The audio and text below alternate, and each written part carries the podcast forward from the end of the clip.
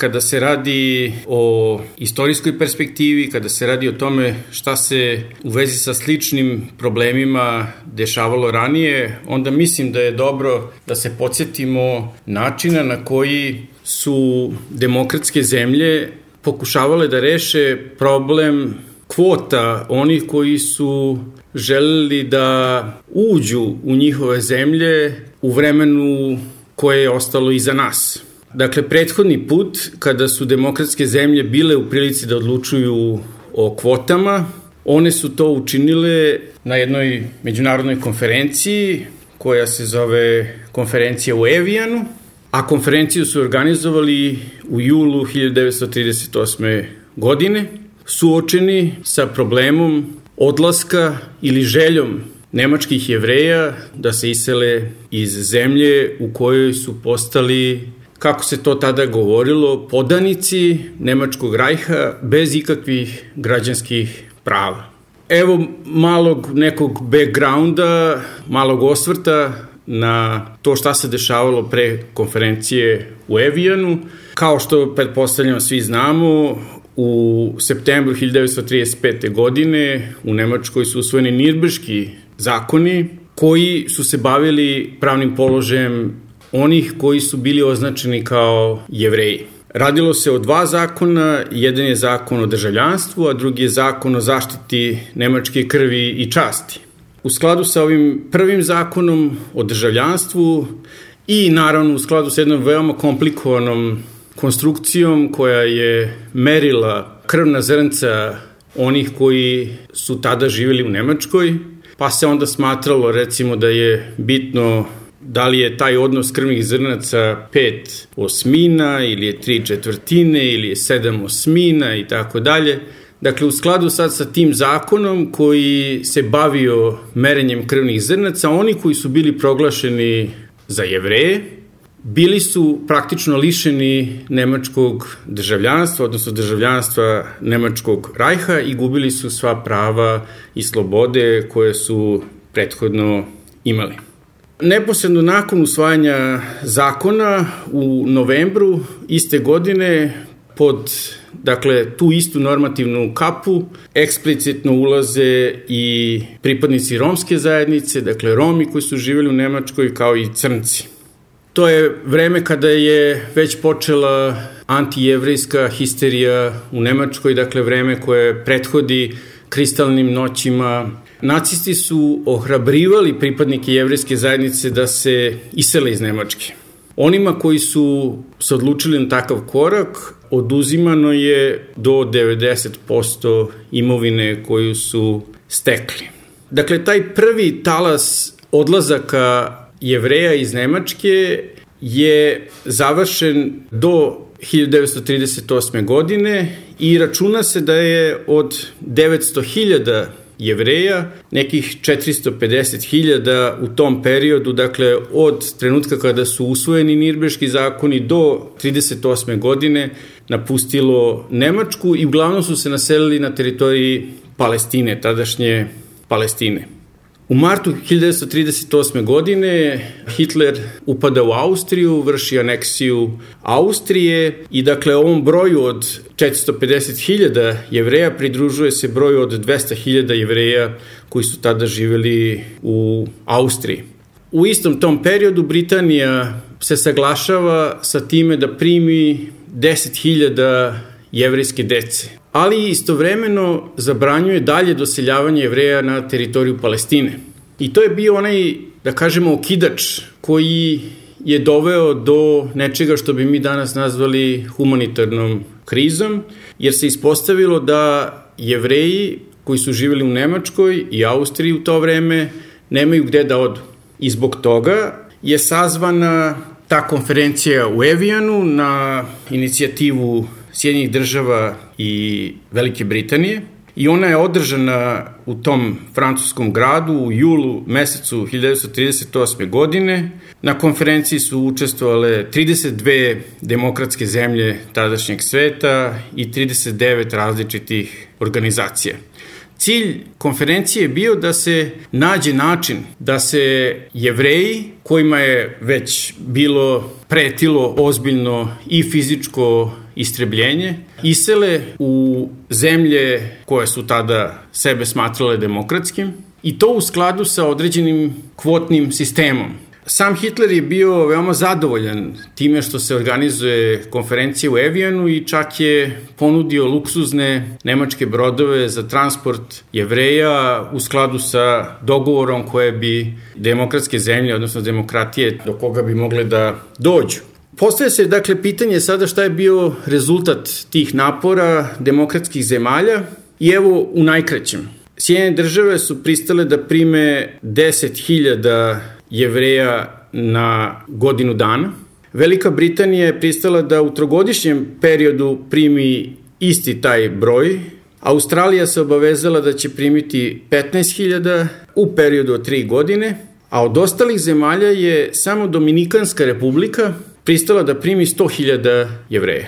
Nema nikakve sumnje i to je bila jednodušna ocena u to vreme da se konferencija u Evijanu završila neslavno, da nikakav praktični dogovor nije postignut i da su ti ljudi koji su bili izloženi progonu bili osuđeni da ostanu u paklu koje im je nacistička Nemačka spremala. Kada se radi o reagovanjima u štampi, tada su engleske novine govorile o tome da je svet podeljen na dva dela, na teritoriju na kojima tadašnji jevreji ne mogu da žive, misleći na Nemačku i Austriju, i one teritorije na koje oni ne mogu da uđu. Šta se dešavalo posle konferencije u Evijanu, mislim da je svima dobro poznato. Dva meseca nakon konferencije Hitler okupira deo Čehoslovačke, na kojoj sada teritoriji živi 120.000 jevreja. U martu 1939. godine on okupira ostatak Čehoslovačke, a u tom ostatku zemlje je živelo tada 180.000 jevreja, čemu se onda pridodaje jedan veliki broj od više miliona jevreja koji su živjeli na teritoriji Poljske koju Hitler okupira u septembru 1939. godine. Tada postaje sasvim jasno sa stanovišta nacističkog režima da je potrebno pronaći neko definitivno rešenje za takozvani jevrijski problem i ono što je iz današnje perspektive gledano vrlo interesantno jeste da se nacisti nisu od početka zainteresovali za fizičko uništavanje jevreja, već da su imali jedan plan koji su zvali plan Madagaskar, koji su razvili u toku 1940. godine, u skladu sa kojim je bilo predviđeno da se svake godine po milion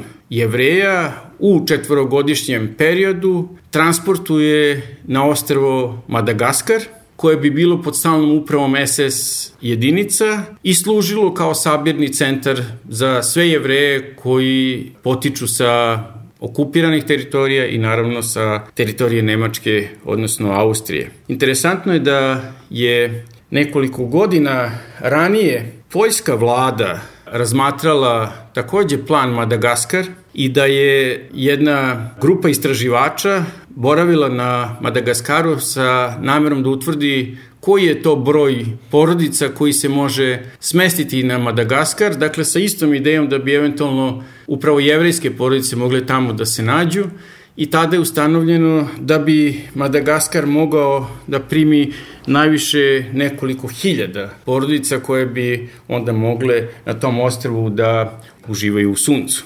Dakle, to je bila posledica onoga što je propušteno da se dogovori. Konferencija je bila sazvana sa ciljem da se pomogne jevrejima. Nije došlo do onih rezultata koji su bili očekivani i jevreji su upravo zbog te nespremnosti tadašnje međunarodne zajednice bili osuđeni na istrebljenje praktično. Među te 32 zemlje, da li je bila Jugoslavija, koju su i tada, a i ne samo tada, nego i ljubitelji predretne Jugoslavije sadašnje i tretirali kao demokratsku zemlju, koja je takođe bilo jevreja? Nažalost nije. I ja sam nešto o tome želeo da kažem i baš u vezi sa onim što naša država preduzima danas kada se radi o toj obavezi poštovanja ljudskih prava onih koji se nazivaju ili migranti ili azilanti ili izbeglice.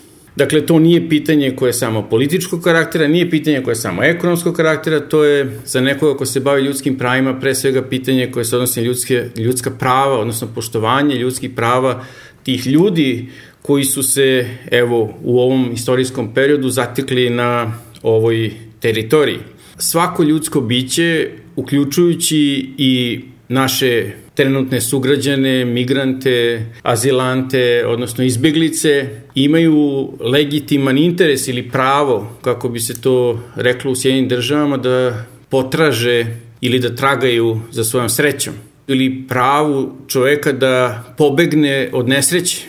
U tom traganju za srećom ljudi nisu sami njima pravo pomaže da dođu do sreće, odnosno pravni sistem im omogućava da zadovolje te svoje interese. Postoje posebna pravna pravila koja se vezuju za azilante, postoje posebna pravna pravila koja se vezuju za izbjeglice, postoje posebna pravna pravila koja se vezuju za nedržavljane, odnosno apatride. To je jedan skup pravnih režima koji je vrlo definisan, koji bi u stvari trebalo da se aktivira u trenutku kada ti ljudi uđu na teritoriju ove zemlje ili druge zemlje. Država ona ima pozitivne obaveze u odnosu na svakog pojedinca koji se nalazi na teritoriji ove zemlje. U odnosu na mene, na tebe, na bilo koga i u odnosu na te ljude koji se sticajem okolnosti, istorijskih okolnosti nalaze trenutno na teritoriji ove zemlje, odnosno u ovom regionu. Dakle, ta sada individua koju mi nazivamo migrant ili azilant ili izbjeglica, on za sebe vezuje čitav niz prava i sloboda koje je država dužna da mu garantuje, da mu obezbedi, da, da štiti. I sada kada se postavlja pitanje o tome kakva je uloga ove naše države u odnosu prema tim ljudima, onda mi dolazimo do jednog stava koji se veoma često izražava ne samo od strane najviših funkcionera, već i od mnogih koji se vide u nevladinom sektoru, da ne govorimo o medijima. To je jedan stav koji implicira da je sve u najboljem redu i tu se praktično rasprava o tom pitanju završava. Kažemo, mi smo tolerantni, mi njih ne bijemo, ne polivamo ih biber sprejom, ništa im ne radimo praktično, čak pojedini građani im donose nešto da pojedu, neku garderobu i tako dalje. I mi smo sasvim ok, mi smo oni koji se smatraju dobrim. Prvo, svakom pojedincu koji boravi na teritoriji ove zemlje u skladu sa većim brojem međunarodnih dokumenta i našim ustavom, jemči se pravo na priznavanje pravnog subjektiviteta.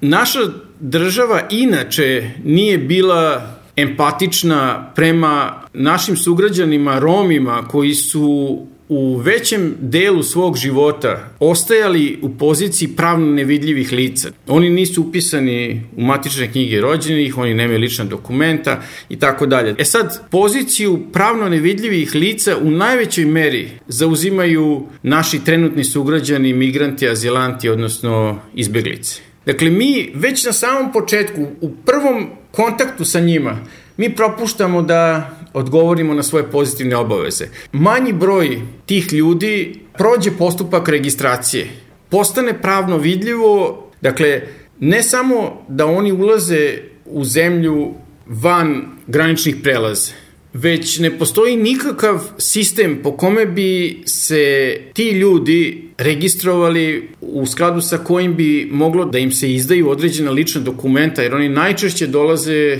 u zemlju bez ikakvih ličnih dokumenta. Dakle, mi na prvom koraku propuštamo da odgovorimo na svoje pozitivne obaveze i onda to rađa dalje posledice koje se sastoje u sledećem.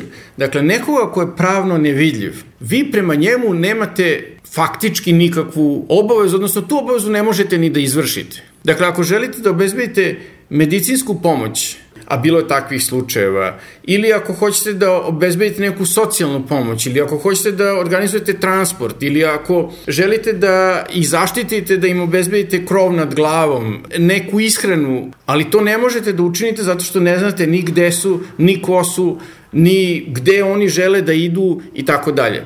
Mi kažemo, ok, mi njih tolerišemo, mi njih ne bijemo, mi njima incidentno pomognemo, ali nema nekog organizovanog, nema nekog sistemskog odgovora onoga što se zove država na legitimne potrebe, odnosno interese tih ljudi i posebno u odnosu na tu pozitivnu obavezu države da zaštiti njihova prava i slobode.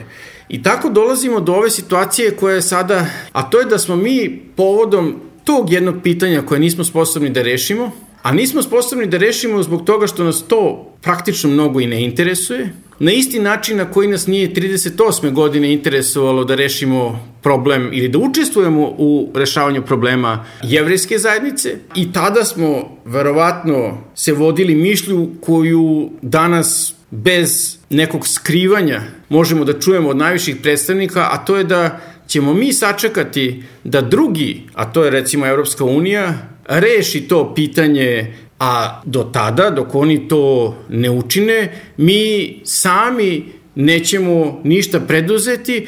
E, dakle, to je taj princip konferencije iz Evijana, koji je i dalje prisutan u ponašanju, postupanju onih koji vrše vlast u ovoj zemlji.